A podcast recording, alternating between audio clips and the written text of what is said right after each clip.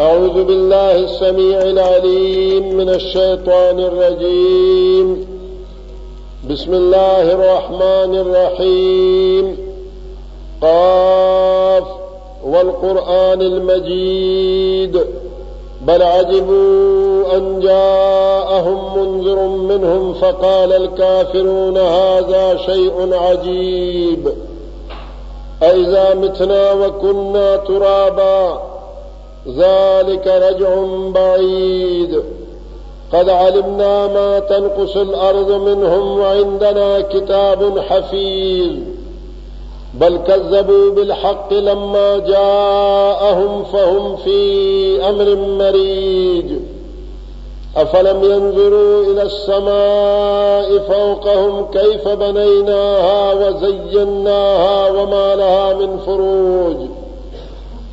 والأرض مددناها وألقينا فيها رواسي وأنبتنا فيها من كل زوج بهيج. تبصرة وذكرى لكل عبد منيب.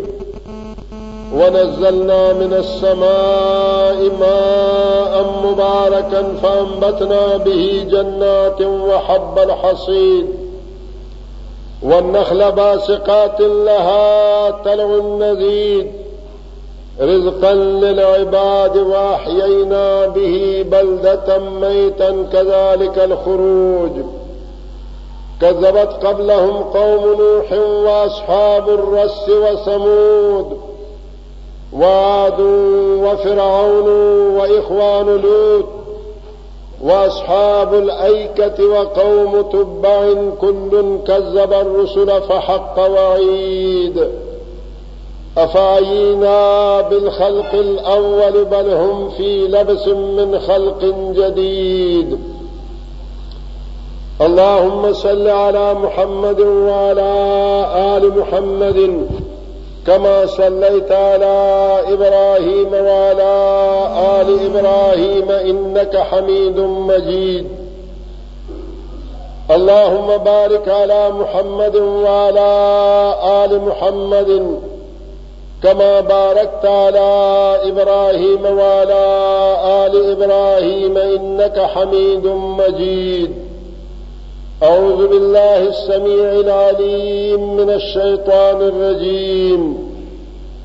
ولكل أمة جعلنا منسكا يذكر اسم الله على ولكل أمة جعلنا منسكا ليذكروا اسم الله على ما رزقهم من بهيمة الأنعام. فإلهكم إله واحد فله أسلموا. وبشر المخبتين. اللہ رب العالمین، احکم الحاکمین، تمام بادشاہوں کا بادشاہ، تمام زبردستوں کا زبردست، وہ رب العالمین جو تمام کائنات کا خالق اور مالک ہے وہ رب العالمین جو تمام کائنات کا مدبر اور منتظم ہے، وہ اللہ جو اپنے ذات اور صفات میں، اسماء اور احکام میں واحد لا شریک ہے۔ وہ رب العالمین، جس کی صفات میں سے ایک صفت فعال لما یرید ہے۔ جب رب العالمین چاہتا ہے، جس چیز کو چاہتا ہے، جیسی چاہتا ہے اور جس سے چاہتا ہے کر گزرتا ہے۔ لا یس عما یفعل وهم یسألون۔ رب کریم جو کچھ کرنا چاہتا ہے اور جس سے اور جس وقت جیسا کرنا چاہتا ہے اس کا کوئی پوچھ نہیں سکتا۔ اللہ رب العالمین کے عظمت اور بڑائی، جلال اور کبریائی، حمد اور ثنا، تعظیم اور تکریم جتنے بھی بیان کی جائے رسول اللہ صلی اللہ علیہ وآلہ وسلم نے فرمایا کہ لا احسی ثنا ان علیک۔ اے اللہ، آپ کی تعریف میں نہیں پورا کر سکتا۔ آپ ویسی ہی ہے جیسی آپ نے اپنے تعریف کیا ہے۔ محمد الرسول اللہ صلی اللہ علیہ وآلہ وسلم پر اللہ رب العالمین کی لاکھ لاکھ رحمتیں ہوں کہ جنہوں نے ہمیں اللہ رب العالمین کے احکام اور اللہ رب العالمین کی ذات و صفات اور اللہ رب العالمین کی بندگی کے طریقے اور دنیا میں رہنے کی اور اللہ کو خوش کرنے کے طریقے سب بتائے ہیں اور وہ طریقے بھی بتائے ہیں جس سے اللہ ناراض ہوتا ہے اور اللہ سبحان ہو تعالی کی ناراضگی اور اللہ کے عذاب نازل ہوتے ہیں، وہ طریقے، وہ باتیں بھی بتائی یہاں تک کہ رسول اللہ صلی اللہ علیہ وآلہ وسلم نے فرمایا، میں نے کوئی ایسی چیز کو نہیں چھوڑا جو تمہیں جنت کی جنت میں داخل کر دے یا جنت کے قریب کر دے، مگر میں نے اس کو بیان کر رکھا ہے۔ اور ایسے بھی کسی چیز کو نہیں چھوڑا۔ جو تمہیں جہنم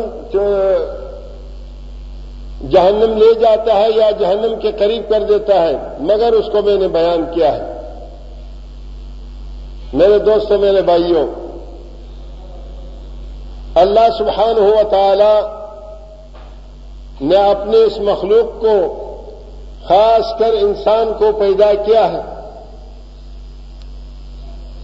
اور تخلیق کے بعد اس انسان کے ساتھ اللہ سبحان ہوا تعالی کے اتنی شفقت اور رحمت ہے کہ ہر ہر لمحہ اللہ سبحان ہوا تعالی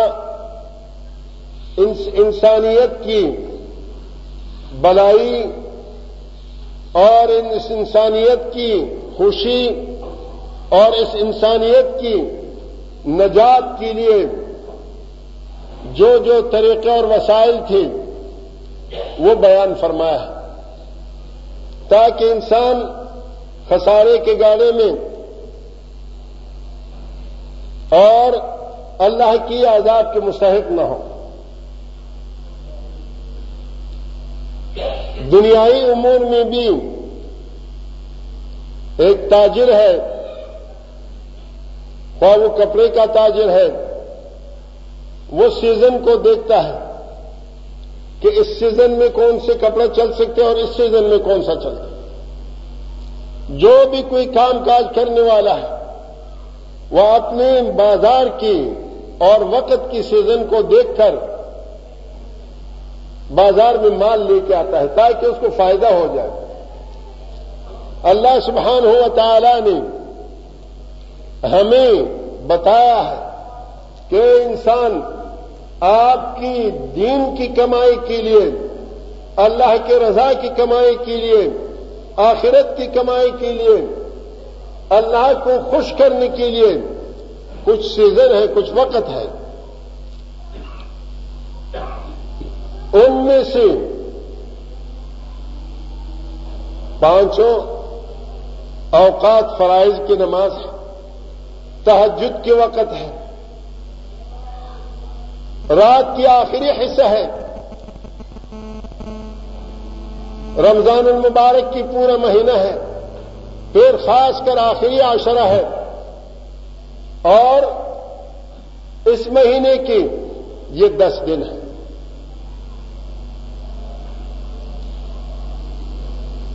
اللہ رب العالمین احکم الحاکمین نے ان ایام میں بہت کچھ فضیلت رکھا ہے۔ صحیح بخاری کی حدیث ہے۔ عبداللہ ابن عباس رضی اللہ تعالی عنہ فرماتے ہیں کہ رسول اللہ صلی اللہ علیہ وآلہ وسلم نے فرمایا کہ ما من ایام العمل الصالح فيهن احب الى الله من هذه الايام العشر.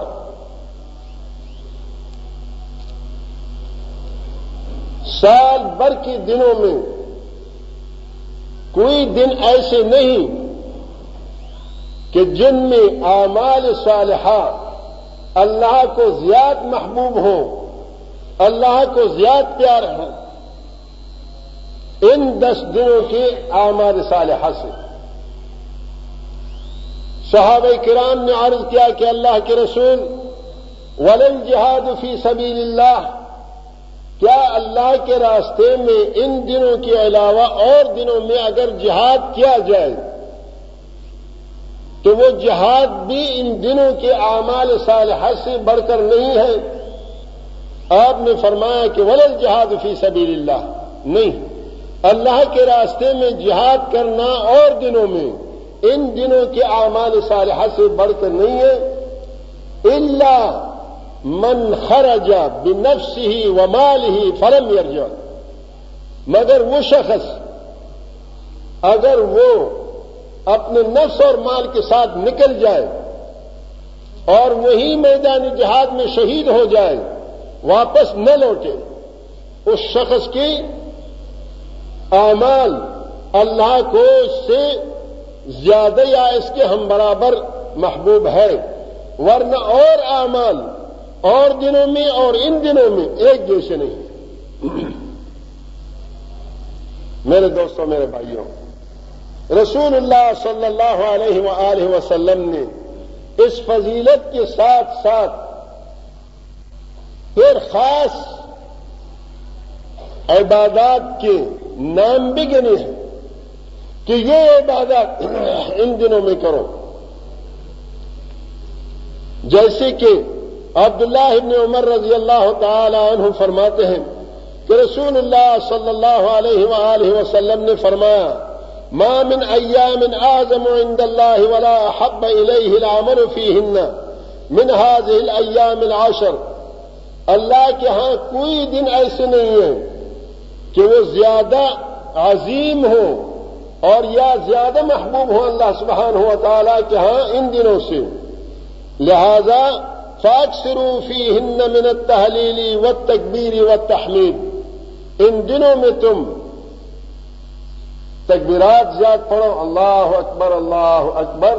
لا الہ الا اللہ اللہ اکبر اللہ اکبر، وللہ الحمد۔ اور تسبحات پڑھو سبحان اللہ و بحمدہ سبحان اللہ العظیم۔ تحلیلات پڑھو کہ لا الہ الا اللہ محمد رسول اللہ۔ ان دنوں میں کثرت سے تکبیرات اور تسبیحات اور تحمید پڑھنا اور تحلیل پڑھنا، یہ بہت ہی اللہ سبحان ہوا تعالی کو پیارے ہیں۔ اور اسی طرح رسول اللہ صلی اللہ علیہ وآلہ وسلم کے ازواج متحرات میں سے ایک بیوی فرماتے ہیں۔ کان النبی صلی اللہ علیہ وسلم يصوم العشرہ وثلاث أيام من كل شهر والخميس رواه النسائي وصححه الألباني۔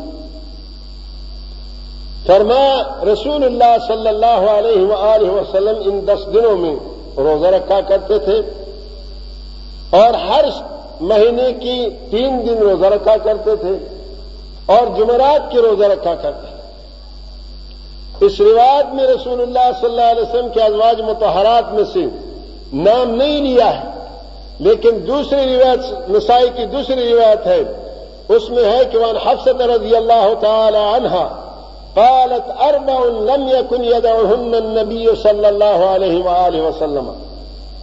حفص رضی اللہ تعالی عنہا فرماتی ہے کہ چار چیزیں ایسے ہیں کہ رسول اللہ صلی اللہ علیہ وآلہ وسلم ان کو نہیں چھوڑتے تھے۔ ان چاروں میں سے سیام عاشورا عاشرے کے روزہ۔ ایک، دوسرا ول ان دس دنوں کے روزہ۔ و ایام من کل شہر، ہر مہینے کے تین دن روزے۔ و رکاتین قبل الغدات، صبح کی دو سنت۔ ان چار چیزوں کو رسول اللہ صلی اللہ علیہ وآلہ وسلم نہیں چھوڑتے تھے۔ لہذا، جب ان دنوں میں اعمال اللہ کے نزدیک تمام دنوں میں سے، سال بھر کے دنوں میں سے زیادہ محبوب ہے تو چاہیے کہ انسان تسبیحات، تحلیلات، تکبیرات، فرائض، نوافل، تلاوت اور روزے رکھے اور پھر خاص کر عرفے کے روزے میں رسول اللہ صلی اللہ علیہ وآلہ وسلم نے فرمایا وان ابھی قطعت رضی اللہ تعالی عنہ، قال سئل النبي صلى الله عليه وآله وسلم عن صيام يوم عرفة رسول اللہ صلی اللہ علیہ وآلہ وسلم سے عرفے کے دن کے روزے کے بارے میں پوچھا گیا تو آپ نے فرمایا کہ احتسب علی اللہ، میں اللہ سبحانہ و تعالی سے ثواب کا امید رکھتا ہوں اور اس بات کی کہ یو کفر سرت الماز یا طلبا کیا آنے اور گزری ہوئی سال کی دونوں کی گناہوں کو معاف فرمائے۔ گزشتہ سال کے گناہوں کو بھی اللہ سبحانہ ہوا تعالیٰ معاف فرمائے اور آنے والے سال کے بھی۔ پھر خاص کر ان دنوں میں مفت کے روزے ہیں۔ کمانے والا ہو، اللہ رب العالمین رحیم ہے، کریم ہے، دیتا ہے بہت کچھ، لیکن لینے والا، طلب کرنے والا، کمانے والا کمانے والا چاہیے۔ اسی طرح میرے دوستوں میرے بھائیوں، بہت لوگ ایسے ہوتے ہیں، خاص کر آج کل کے جو تعلیم یافتہ حضرات ہیں، وہ یہ کہتے ہیں کہ دیکھو، سعودی عرب میں ایک دن عرفہ ہوتا ہے، یہاں دوسرے دن ہوتے ہیں، دوسری جگہ میں تیسرے دن ہوتے ہیں، تو وہ عرفہ کا کون تعین کرے گا؟ تو اس کے بھی رسول اللہ صلی اللہ علیہ وآلہ وسلم نے وضاحت فرمائی ہے۔ حنید ابن خالد اپنی بیوی سے روایت کرتے ہیں۔ وہ رسول اللہ صلی اللہ علیہ وآلہ وسلم کے ازواج متحرات سے روایت کرتے ہیں۔ وہ فرماتے ہیں کہ قالت کان رسول اللہ صلی اللہ علیہ وسلم یسوم تس الحجہ رسول اللہ صلی اللہ علیہ وسلم ذی الحجے کے نویں تاریخ کا روزہ رکھتے تھے۔ یہ عرفہ نویں تاریخ کو کہتے ہیں۔ وہاں تو عرفہ اس لیے کہتے ہیں کہ وہ جگہ کا نام عرفہ ہے۔ وہاں کڑے ہوتے ہیں تو اس کو یوم عرفہ کہا جاتا ہے۔ ورنہ تیس ذی الحجہ دسویں، نویں ذی الحجے کو عرفہ کہتے ہیں۔ اب یہ بھی یاد رکھیے کہ حجاج حضرات جو وہاں عرفے میں کڑے ہیں، ان کے لیے روزہ رکھنا نہیں ہے۔ رسول اللہ صلی اللہ علیہ وآلہ وسلم کے حجت الوداع میں روزے کے بارے میں لوگوں نے اختلاف کیا۔ تو ایک مائی نے کہا کہ تم کیوں آپس میں اختلاف کرتے ہو؟ ابھی معلوم کرتے ہو کہ رسول اللہ صلی اللہ علیہ وسلم کی روزہ ہے یا نہیں۔ ایک کٹورے میں دودھ ڈال کر بھیج دیا، رسول اللہ صلی اللہ علیہ وسلم کو یہ دے دیا۔ آپ نے لوگوں کے سامنے پی لی۔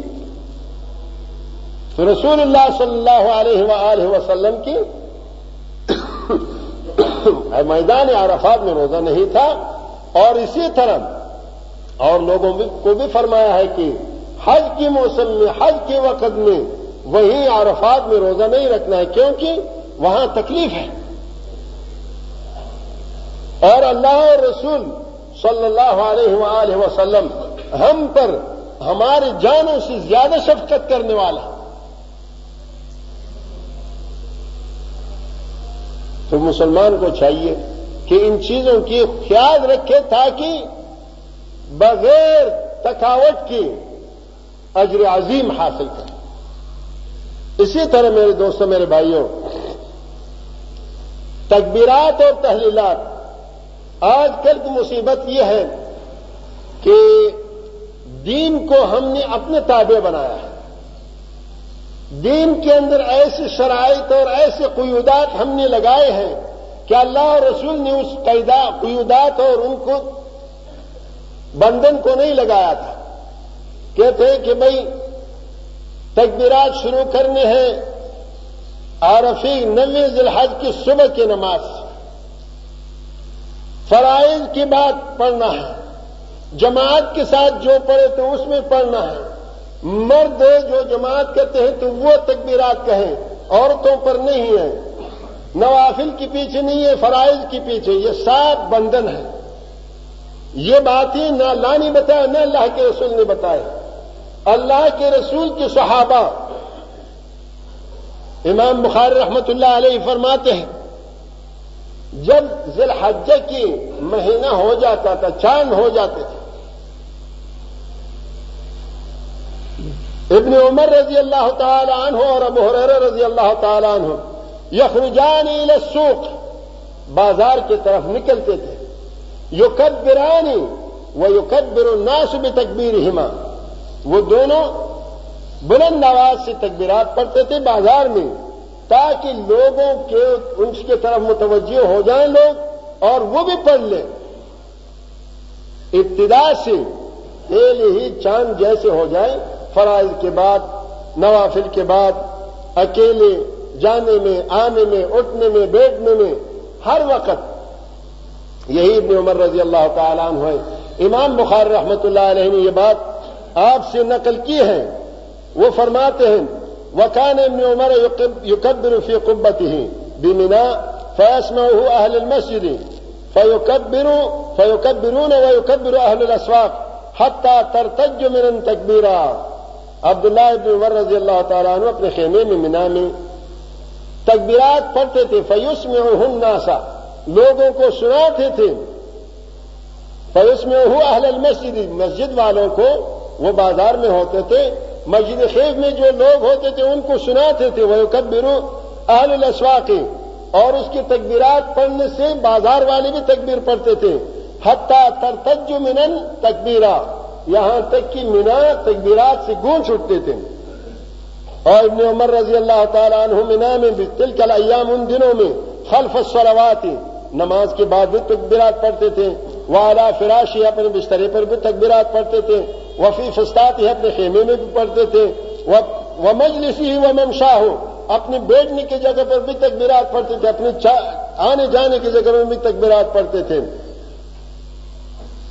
فی تل کے ایام ان دنوں میں وکانت میمون رضی اللہ تعالی عنہا میمون رضی اللہ تعالی عنہا تھے کہ تو یوم النحر. عید کے دن تکبیر پڑھتے تھے. وکان النساء یکبرن خلف ابان ابن عثمانہ فی تل کا ایام عورتیں ابان میں عثمان کے پیچھے جب نماز پڑھتے تھے اور عمر ابن عبد العزیز کے پیچھے جب نماز پڑھتے تھے. ایام تشریق میں اور مینا کے دنوں میں تکبیرات پڑھتے تھے فل مسجد مسجد کے اندر مسجد میں عورتیں نماز پڑھتے تھے، وہ بھی تکبیر پڑھتے تھے۔ لہذا یہ قید لگانا کہ عورتیں نہ پڑھیں اور مت پڑھیں، فرائض کے پیچھے پڑھیں اور نوافل کے پیچھے نہ پڑھیں۔ اس وقت سے پڑھیں، اس وقت سے نہ پڑھیں۔ یہ قید نہیں ہے۔ ابتدا سے لے کر چاند جیسے ہو جائے، تکبیرات پڑھنا ہے۔ ہر حالت میں اللہ کے ذکر کے ساتھ، کیونکہ دوسرے صحیح حدیث میں یہ بھی آیا ہے کہ آپ نے فرمایا، جب یہ دن اللہ کے ہاں زیادہ پیارے ہیں، تو فاق سروفی ہند تکبیرہ وہ تصبیح و تخلیل اس میں تکبیرات، تسبیحات اور لا الہ الا اللہ یہ زیادہ پڑھ جاتا اسی طرح میرے دوستوں میرے بھائیوں، رسول اللہ صلی اللہ علیہ وآلہ وسلم کے فرمان ہے ام سلم رضی اللہ تعالی عنہ فرماتے ہیں، جب ذی الحجہ کی چاند ہو جائے وہ ارادہ حد کمئی تم میں سے کوئی ایک ارادہ رکھتا ہو کہ وہ اضحیہ کرے۔ فلا یمسن زفرم فلا یمسن شہرم ولا یقلم نہ زفرا۔ وہ اپنے بال کو نہ لے اور اپنے ناخن کو نہ کاٹے۔ ایک روایت میں یہ بھی ہے کہ اگر کوئی شخص اس کو استطاعت نہیں ہے قربانی کرنے کی، لیکن ذلحج چاند ہونے کے بعد اپنے بال کو نہیں لیتا ہے اپنے ناخن کو نہیں کاٹتا ہے، ایک کے دن نماز کے بعد اسی ثواب کی نیت پر بال لے لیتا ہے، ناخن کاٹتا ہے، اس کو بھی ثواب مل جاتا ہے۔ یہ اللہ کے رحم ہے۔ اللہ کی مہربانی ہے، اللہ دینے والا ہے، لیکن ہم لینے والے بن جائیں۔ گے لیکن مصیبت یہ ہے، ہو سکتا ہے کہ اس ممبر پر میں نے پہلے بھی یہ بات کہی ہو۔ کراچی میں میں احتکاف پر بیٹھا ہوا تھا۔ میرے ساتھ ہمارا ایک حدیث بھائی بھی تھا۔ احتکاف میں تھے۔ آخر رات میں جی کہنے لگا مولے صاحب ہمارے اتکاف اللہ کے ہاں قبول ہوا ہوگا۔ میں نے کہا کہ بھائی میں تو اللہ کے پاس سے نہیں آیا ہوں۔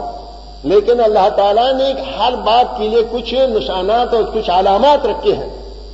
میں آپ کو ایک نشانہ بتاتا ہوں کہ اگر وہ موجود ہو گیا تو انشاءاللہ اللہ نے قبول کیا ہوگا۔ وہ کیا؟ میں نے کہا کہ اگر آپ نے نماز پڑھنے تک اس داری کو نہیں منڈایا ہو سکتا ہے کہ اللہ نے قبول کیا ہو۔ تو ویسے میں یہ کہتا ہوں کہ ہمارے دوست جو قربانی کرتے ہیں، ان دنوں میں تو نہیں منڈاتے ہیں۔ جیسے قربانی کر لیتے ہیں تو سب سے پہلے اللہ کے رسول صلی اللہ علیہ وسلم کی سنت پر شروع کر لیتے ہیں۔ بھائی، میں آپ سے یہ پوچھتا ہوں، یہ قربانی کیا ہے؟ قربانی کیا ہے؟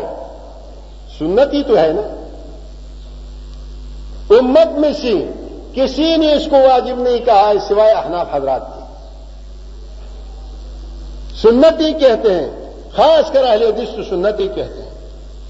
اگر جی جو سنت ہی موقع ہے، جیسے صبح کی دور سنت جیسی۔ لیکن ہم قربانی تو کرتے ہیں اور داڑھی کی قربانی نہیں کر سکتے ہیں۔ کتنی عجیب بات ہے۔ میرے دوستوں، میرے بھائیوں بعض علامات وہ عبادات کے قبول ہونے کے لیے ایسے ہوتے ہیں کہ ان پر عمل کرنے سے رب العالمین خوش ہو جاتا ہے۔ جیسے قربانی کرنے سے اللہ خوش ہو جاتا ہے، اگر ہم اس دعوے کو اللہ کے رسول کی سنت سمجھ کر چھوڑ دیں تو اللہ راضی نہیں ہوگا، اللہ خوش نہیں ہوگا، ضرور خوش ہوگا۔ کیوں؟ اللہ نے خود فرمایا اپنی کتاب میں کل ان کن تم تو حبون اللہ فتبعونی یحببکم اللہ۔ اگر تم اللہ سے محبت کرنا چاہتے ہو، تو تم میرے تابیداری کرو تو اللہ تمہارے ساتھ محبت کرے گا۔ بہرحال میرے دوستوں میرے بھائیوں، میں اور طرف مل جاتا ہوں جو اس وقت کی جو مسائل ہیں۔ رسول اللہ صلی اللہ علیہ وآلہ وسلم کی حدیث ہے کہ احب الاعمال الى اللہ یوم النحر، العج و سج۔ تمام اعمال میں سے بہترین عمل اللہ کے ہاں عید کے دن دو چیزیں۔ العج و سج۔ ایک زور زور سے تکبیرات کہنا، العج زور زور سے تکبیرات کہنا وہ سج اور خون بہانا اللہ کے نام پر۔ یہ دو چیزیں اللہ کے رسول صلی اللہ علیہ وسلم نے فرمایا عید کے دن احب الاعمال میں سے تمام اعمال میں سے بہترین عمل ہے۔ اور جابر رضی اللہ تعالی عنہ فرماتے ہیں کہ رسول اللہ صلی اللہ علیہ وآلہ وسلم نے فرمایا، لا تذبحوا الا مسنہ آپ قربانی میں ذب مت کرو۔ مگر ایسے جانور کو جس کی دو دانت ہاں اگر آپ کو دو دانت والا چیز نہیں ملتا ہے، تو پھر فجد آتم میں رفدان بیڑ میں سے ایک سال کا بیڑ۔ یاد رکھیے کہ جانوروں میں دو قسم کے قربانی کے لیے گائے بکری، اونٹ، بھینس وغیرہ، ان میں دو دانت شرط ہے۔ بکری بھی جب تک کہ دو دانت کے نہ ہو تو نہیں ہوتی۔ گائے بیل کا بھی دودھ دان جب تک نہ ہو، قربانی نہیں ہوتی۔ اونٹ اور اسی طرح الحاظ القیاس بیس، جس میں اختلاف ہے، کوئی کہتے کہ بیس کی قربانی ہوتے ہیں کوئی نہیں ہوتے ہیں بہرحال۔ اما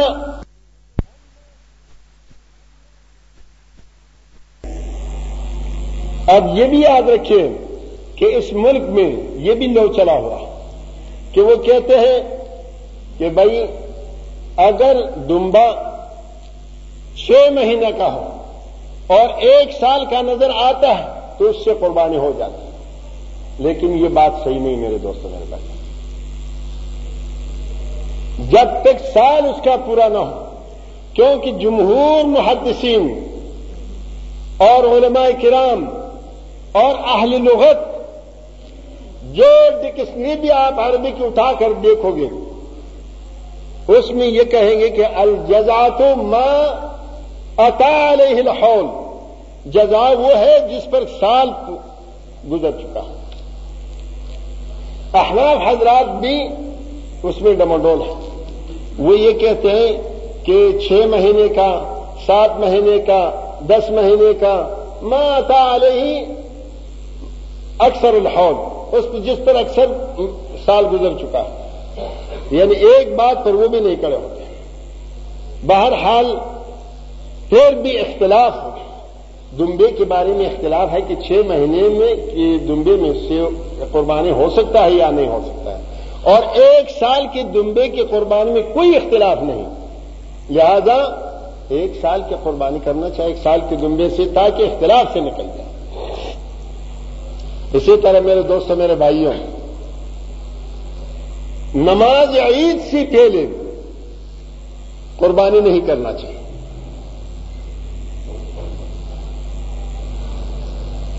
ابو بردر رضی اللہ تعالی عنہ فرماتے ہیں کہ میرے خالق، میرے مامونی نماز سے پہلے قربانی کر لی۔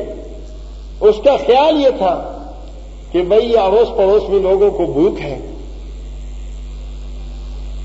صبح نماز کے بعد عید کی نماز سے پہلے پہلے قربانی کر لو اور ان لوگوں کو گوشت پہنچا دو تاکہ وہ نماز کے لیے جاتے کچھ نہ کچھ کھا لیں ان کی بھوک کی وہ ہو جائے، مداوا ہو جائے۔ رسول اللہ صلی اللہ علیہ وسلم نے جب یہ فرمایا، جس نے قربانی نماز سے پہلے کی، اس نے ایک گوشت بنایا۔ قربانی نہیں ہوئی اس کی۔ اور جس نے نہیں کیا ہو، تو وہ اللہ کے نام لے کر ذبیحہ کرے نماز کے بعد۔ آپ کڑے ہو گئے کہ اللہ کے رسول میں نے تو یہ سوچا تھا کہ ان لوگوں کو بھوک ہے، ان کو کچھ نہ کچھ پہنچ جائے۔ میں نے ذبیحہ کر لیا۔ اب میرے پاس گھر کے پلا ایک بکرا ہے۔ لیکن اگر گوشت کے اعتبار سے دیکھا جائے تو دو بکروں کے برابر ہے۔ کیا میں اس سے قربانی کر سکتا ہوں؟ لیکن ہے ایک سال کا۔ اور گوشت کے اعتبار سے، موٹاپے کے اعتبار سے، بڑائی کے اعتبار سے دو بکروں جیسے برابر۔ آپ نے فرمایا، آپ کر لو، کیونکہ آپ نے پہلے بھی ایک کر چکے ہیں آپ۔ لہذا آپ کر لو۔ ولن تجزیا بادک دوسری بات میں ہے لہٰذن غیرک آپ کی سوا اور کسی کے لیے جائز نہیں۔ یہ آپ کی ایک خصوصیت ہے۔ تو لہذا میرے دوستوں میرے بھائیوں ان چیزوں کا خیال رکھنا چاہیے۔ بعض لوگ ایسے بھی کہتے ہیں کہ بھئی اگلے یہ دانت نکل جائے اگر سے دوسرا نکلا نہ ہو، بس گرا دیا دانت، پھر بھی جائز ہے۔ نہیں، جب تک کہ دانت نہ ہو مسنہ کا ہے اصلی ویسے عام انسان کے بارے میں جب سن کہا جاتا ہے، وہ عمر لیا جاتا ہے۔ جانوروں کے بارے میں جب سن کہا جاتا ہے تو دان لیا جاتا ہے۔ یہ علماء کرام میں اہل لغت میں یہ فرق کیا ہے کہ اگر سن میں ہو قضا، ایک آدمی کے بارے میں کہا کہ اس کا سن اتنا ہے، کیا مطلب ہے؟ اس کی عمر اتنی ہے۔ اور اگر کسی جانور کے بارے میں کہا جائے تو اس کے دانت اتنے ہیں۔ لہذا دانت کے خیال رکھنا چاہیے۔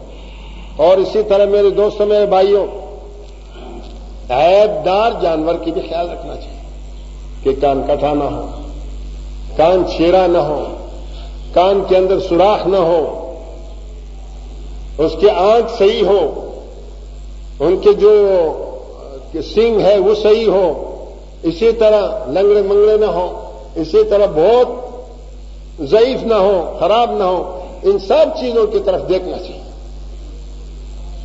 اسی طرح رسول اللہ صلی اللہ علیہ وآلہ وسلم نے یہ بھی فرمایا کہ جو قربانی کرتا ہے، خود ذبح کرے تو بہتر ہے۔ اور اگر خود نہیں کر سکتا ہے تو دوسروں کو کہے۔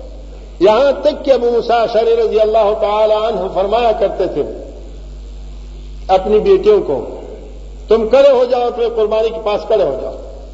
جب قربانی ذبح ہوتے تھے تو اپنی بیٹیوں کو کہتے کہ تم کھڑے ہو جاؤ اپنے قربانی کے پاس۔ اور یہ بھی یاد رکھے کہ ریا، نمود سماعت اس کے تعلق دل سے ہے۔ اگر ایک انسان اندھیرے رات میں اٹھ کر تحجد پڑتا ہے، لیکن دل میں یہ ہے کہ کوئی مجھے دیکھے۔ اور یہ کہے کہ بہت اندھیرے میں بہت چھپ جو نماز پڑھ رہا تھا۔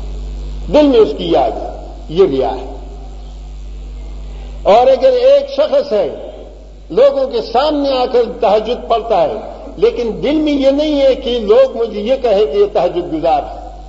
یقیناً یہ تو ریا نہیں ہے۔ اسی طرح میرے دوستوں، میرے بھائیوں، ایک گھر آنے کے لیے گھر کے اندر مثلا سو آدمی ہیں۔ ایک گرانے کے لیے ایک بکرا ذبح کیا جائے تو کافی ہے۔ اللہ کے رسول صلی اللہ علیہ وسلم نے فرمایا کہ ایک گرانے کے لیے ایک بکرا کافی ہے۔ اور اگر دل میں ریا اور نمود اور سماعت نہیں ہے، ہر ایک فرد اللہ نے استطاعت بھی دیا ہے۔ ہر ایک فرد الگ الگ کرتا ہے۔ نور نور رسول اللہ صلی اللہ علیہ وآلہ وسلم نے آخری حج میں حجت الوداع میں پورے سو اونٹ قربان کی تھی۔ آپ کو پتہ ہے کہ ایک اونٹ کی قربانی ایک روایت میں سات دوسری روایت میں دس۔ عبداللہ ابن عباس رضی اللہ تعالیٰ عنہ سے ایک روایت ہے کہ ہم آپ رسول اللہ صلی اللہ علیہ وسلم کے پاس تھے۔ ہم نے اضحیہ کیا۔ بکرے، ایک شخص، گائے سات سے اور اونٹ دس سے۔ سات اور دس دونوں روایت ہیں۔ سات والی روایت بھی صحیح ہے اور دس والی بھی صحیح ہے۔ اگر آپ دس آدمی شریک ہونا چاہتے ہیں تو اونٹ میں شریک ہو سکتے سات شریک ہونا چاہتے ہیں تو شریک ہو سکتے لہذا ان چیزوں کو خیال رکھنا چاہیے۔ بہت لوگ اس سکھ کی مخالفت کرتے ہیں کہ ایک بکرا خاندان کے لیے کافی نہیں ہے۔ بہت لوگ یہ کہتے ہیں کہ بھائی خاندان میں بہت سارے قربانی کرتے تو یہ ریاکار ہے۔ نہیں بھائی۔ ریا کے تعلق دل سے ہے۔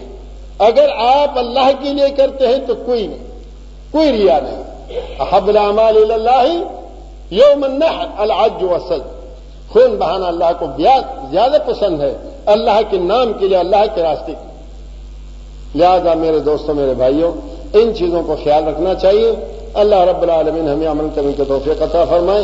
اقول قولي هذا واستغفر الحمد لله نحمده ونستعينه ونستغفره ونعوذ بالله من شرور انفسنا ومن سيئات اعمالنا من يهده الله فلا مضل له ومن يضلل فلا هادي له. واشهد ان لا اله الا الله وحده لا شريك له واشهد ان محمدا عبده ورسوله. يا أيها الذين آمنوا اتقوا الله حق تقاته ولا تموتن إلا وأنتم مسلمون. يا أيها الناس اتقوا ربكم الذي خلقكم من نفس واحدة وخلق منها زوجها وبس منهما رجالا كثيرا ونساء واتقوا الله الذي تساءلون به والأرحام إن الله كان عليكم رقيبا. يا أيها الذين آمنوا اتقوا الله وقولوا قولا سديدا. يصلح لكم أعمالكم ويغفر لكم ذنوبكم. ومن يطع الله ورسوله فقد فاز فوزا عظيما. أما بعد، اللہ سبحان ہوا تعالیٰ نے فرمایا ہے کہ ولی کل امت جالنا من سکن ہم نے ہر ایک امت کے لیے ایک قربان گاہ قربانی کی جگہ مقرر کی ہے۔ لیز قرسم اللہ علامہ رزقہم بہیمت الانعام اس لیے کہ وہ اللہ کے نام لے لیں ان چوپاؤں پر جو اللہ سبحانہ و تعالیٰ نے ان کو دیا ہے۔ لیکن یہ یاد رکھو زبیحہ انسان کرتا ہے۔ لیکن اللہ جس ذات نے اس جانور کو دیا دیا ہے، جس ذات نے اس جانور کو دیا ہے، اسی ذات کے لیے زبیحہ کرنا چاہیے۔ فرمایا فلا حکم الہ واحد۔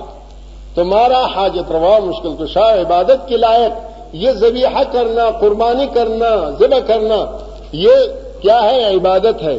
تو اسی ایک رب کے نام پر کرنا چاہیے۔ فرح اسلم ہر بات میں ہر کام میں ہاں، ہر فعل میں ہر عمل میں اسی کے سامنے گردن جھکاؤ۔ وہ بشر المخبتین اللہ کے رسول صلی اللہ علیہ وآلہ وسلم اور ہر قرآن کو پہنچانے والے کو کہتے ہیں کہ اللہ کے سامنے جو جھکنے والے ہیں اللہ کے طرف جو رجوع کرنے والے ہیں ان کو خوشخبری دیجیے۔ اور یہ بھی یاد رکھیے کہ اللہ نے فرمایا قرآن پاک میں وزکر فعن ذکر تنف المومنین آپ یاد دہانی کرتے رہیے ان لوگوں کو، اس لیے کہ یاد دہانی مومنوں کو فائدہ پہنچاتا ہے۔ لہذا یہ بات کئی بار کر چکا ہوں اور پھر بھی میں کرتا ہوں ایک تنبیہ کی بنیاد پر کہ میرے دوستوں میرے بھائیوں، اللہ کے رسول صلی اللہ علیہ وسلم نے جمعے کے دن کو پانچ تقسیم کیا ہے، پانچ وقتوں کا پانچ حصے کے ہیں۔ اول حصے میں آنے والے کو اتنا ثواب ملتا ہے جیسے کہ اونٹ اللہ کے نام پر قربان ہے۔ دوسرے حصے میں آنے والے کو اتنا ثواب ملتا ہے جیسے کہ ایک بیل اللہ کے نام پر قربانی کرے۔ تیسرے حصے میں آنے والے کو اتنا ثواب ملتا ہے جیسے کہ ایک بکرا دمبا اللہ کے نام پر قربانی کرے۔ کہ چوتھے حصے میں آنے والے کو اتنا ثواب ملتا ہے جیسے کہ ایک مرغا اللہ کے نام پر قربانی کرے۔ اور پانچویں حصے میں آنے والے کو اتنا ثواب ملتا ہے جیسے کہ ایک انڈا اللہ کے نام پر قربان اللہ کے نام پر لے فرما فیضا خرج الامام جب امام ممبر کی طرف نکل جاتے ہیں خطبے کے لیے، وہ فرشتے جو اس ثواب لکھنے کے لیے رجسٹر اور قلم لے کر جوامے میں جن جن مسجدوں میں جمعے کی نماز ہوتا ہے، ان کے دروازوں پر کھڑے ہوتے ہیں، وہ تمام صحفوں میں اپنے رجسٹروں کو بند کر کے خطبہ سننے کے لیے بیٹھ جاتے ہیں۔ تو مقصد یہ ہے کہ بعد میں خطبہ شروع ہونے کے بعد آنے والوں کو رجسٹر میں نام نہیں لکھا جاتا ہے۔ میرے دوستوں میرے بھائیوں، میرے مسلمان بھائیوں، آپ کی خیر خواہی کی بنیاد پر کہتا ہوں، کتنے بہترین ثواب ہیں۔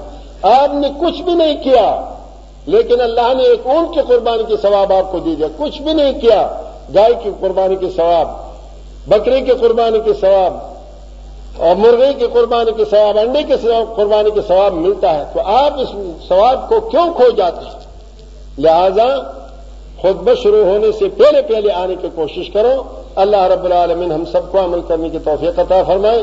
اقول قولی هذا واستغفر الله لي ولكم اجمعين ربنا لا تزغ قلوبنا بعد إذ هديتنا وهب لنا من جی؟ اچھا میں نے کہا آپ لوگ گڑی مڑی دیکھ رہے تھے تو میں نے کہا اچھا جی۔ بہرحال، جب ٹائم ہے تو میں تو اسی وجہ سے میں نے کہا کہ بھائی گڑے دیکھ رہے تھے تو میں نے کہا کہ ٹائم ہو گیا۔ تو اللہ سبحان ہوا تعالی ہمارے اوپر بہت مہربان اور رحیم ذات ہے۔ تو اس لیے ہر انسان کو چاہیے کہ وہ اللہ تعالی کے رحمت کو کمانے کی اللہ سبحان ہوا تعالی کے رحمت کو یعنی جلب کرنے کی کوشش کرے جیسے کہ رسول اللہ صلی اللہ علیہ وسلم نے ان ایام کو بہترین ایام قرار دیا اور اس میں روزہ رکھنے کو، تکبیرات و تحلیلات پڑھنے کو، آتی جاتی وقت تکبیرات پڑھنے کو، نماز کے بعد تکبیرات پڑھنے کو ثواب قرار دیا ہے۔ لہذا ہر مسلمان کو اس کی خیال رکھنا چاہیے۔ اور اسی طرح قربانی کے بارے میں رسول اللہ صلی اللہ علیہ وآلہ وسلم نے یہ بھی فرمایا ہے کہ آپ جب قربانی کرتے ہیں، تو قربانی کرتے وقت جس چیز کو آپ ذبح کرتے ہیں، ایک دشمن ہے۔ دشمن کو قتل کرنا ہے تو رسول اللہ صلی اللہ علیہ وسلم نے فرمایا فیضا قتل تم فاحسن القتل تھا فیضا ذبح تم فاحسن الذبح تھا جس وقت آپ کسی کو قتل کرتے ہیں، دشمن ہے، قتل کے مستحق ہے، لیکن اس کو تڑپا تڑپا کر قتل نہیں کرنا ہے۔ اور جس وقت کسی جانور کو آپ نے ذبح کرنا ہے، تو اس کو تڑپا کر نہیں ذبح بلکہ عائشہ رضی اللہ تعالی عنہ سے رسول اللہ صلی اللہ علیہ وسلم نے فرمایا کہ آپ چھری لے کر، چھری لے کر آئے۔ تو آپ نے فرمایا اس حجی ہی، اس کو تیز کیجیے اور تیز کر کے آپ کو دے دیا۔ تو آپ نے فرمایا کہ اس کو لٹا کر چھری پھیلی نہیں دکھانا ہے۔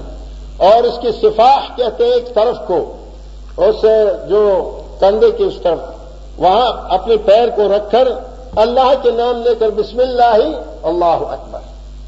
اور رسول اللہ صلی اللہ علیہ وسلم یہ بھی فرمایا کرتے تھے کہ اللہ یہ میرے طرف سے اور میرے امت کی طرف سے، میرے طرف سے اور میرے امت کی طرف سے۔ اب دیکھیں کہ رسول اللہ صلی اللہ علیہ وآلہ وسلم اپنی امت کی کتنے خیر پائی کرتے ہیں۔ قربانی میں بھی رسول اللہ صلی اللہ علیہ وسلم اپنی امت کو نہیں بولتے ہیں۔ اللہ نے فرمایا، عزیز علیہما ان تم رسول اللہ صلی اللہ علیہ وسلم پر شاخ گزرتے ہیں، ناگوار گزرتے ہیں۔ وہ چیز جو تم کو مشقت اور مصیبت میں ڈالتے جس چیز سے تمہیں تکلیف ہوتی ہے، اس چیز کو رسول اللہ صلی اللہ علیہ وآلہ وسلم اس سے بہت ناراض ہو لہذا اللہ کے رسول صلی اللہ علیہ وسلم یہ نہیں چاہتا ہے کہ آپ کو تکلیف ہو۔ اسی طرح رسول اللہ صلی اللہ علیہ وآلہ وسلم علی رضی اللہ تعالیٰ عنہ سے فرمایا دیکھے آپ قربانی کرتے ہیں، لیکن ان کی جو کپڑے مپڑے ان اونٹوں کے اوپر ڈالا ہوا ہے، ان کو جل کہتے ہیں عربی میں۔ ان کو، ان کی رسی مسی جو ہے، ان کو یہ سب اللہ کے راستے پر دینا ہے۔ اپنے استعمال میں نہیں لانا ہے۔ اسی طرح چمڑا جو ہے، اس کو آپ اپنے استعمال میں بھی لا سکتا ہے، اگر اس کو اپنے استعمال میں لائے۔ اور اگر آپ اس کو بیچ کر پیسے کھائیں گے تو ناجائز۔ بیچ کر پیسے نہیں کھانا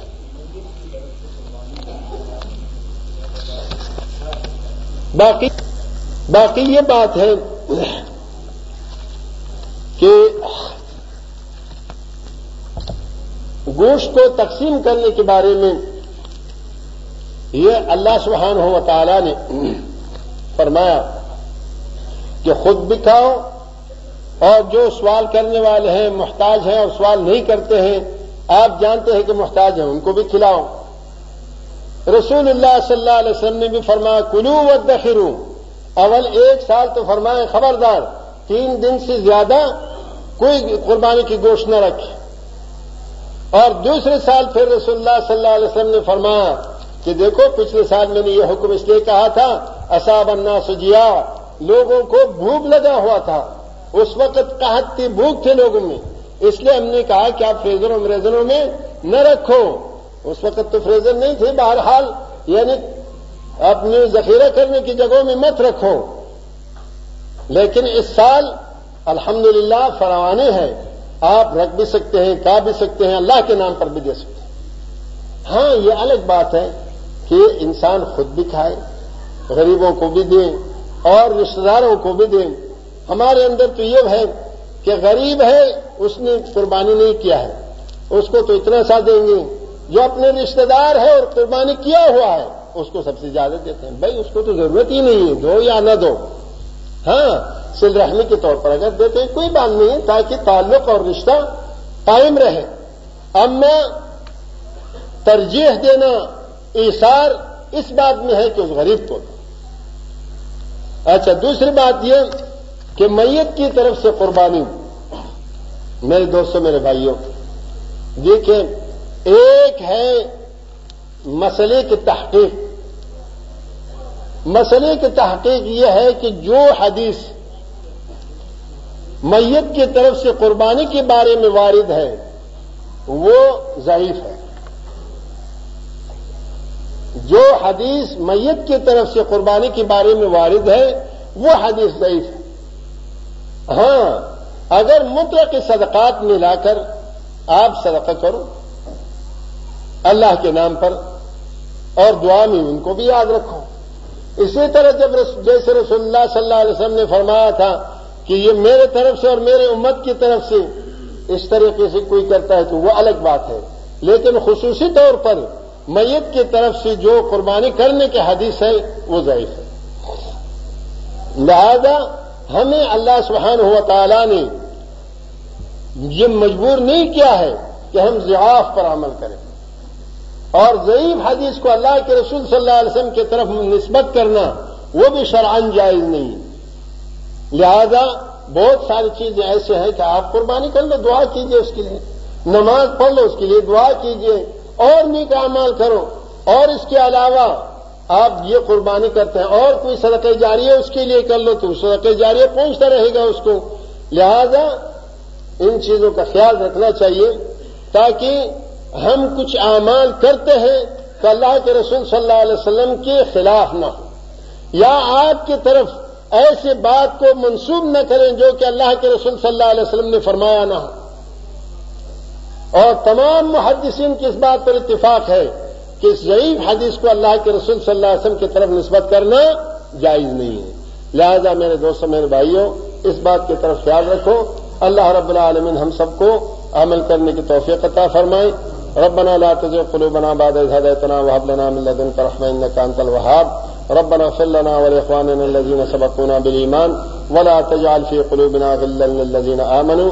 ربنا إنك رؤوف رحيم۔ ربنا لا تؤاخذنا إن نسينا واخطأنا ربنا ولا تحمل علينا إسرا كما حملته الذين من قبلنا.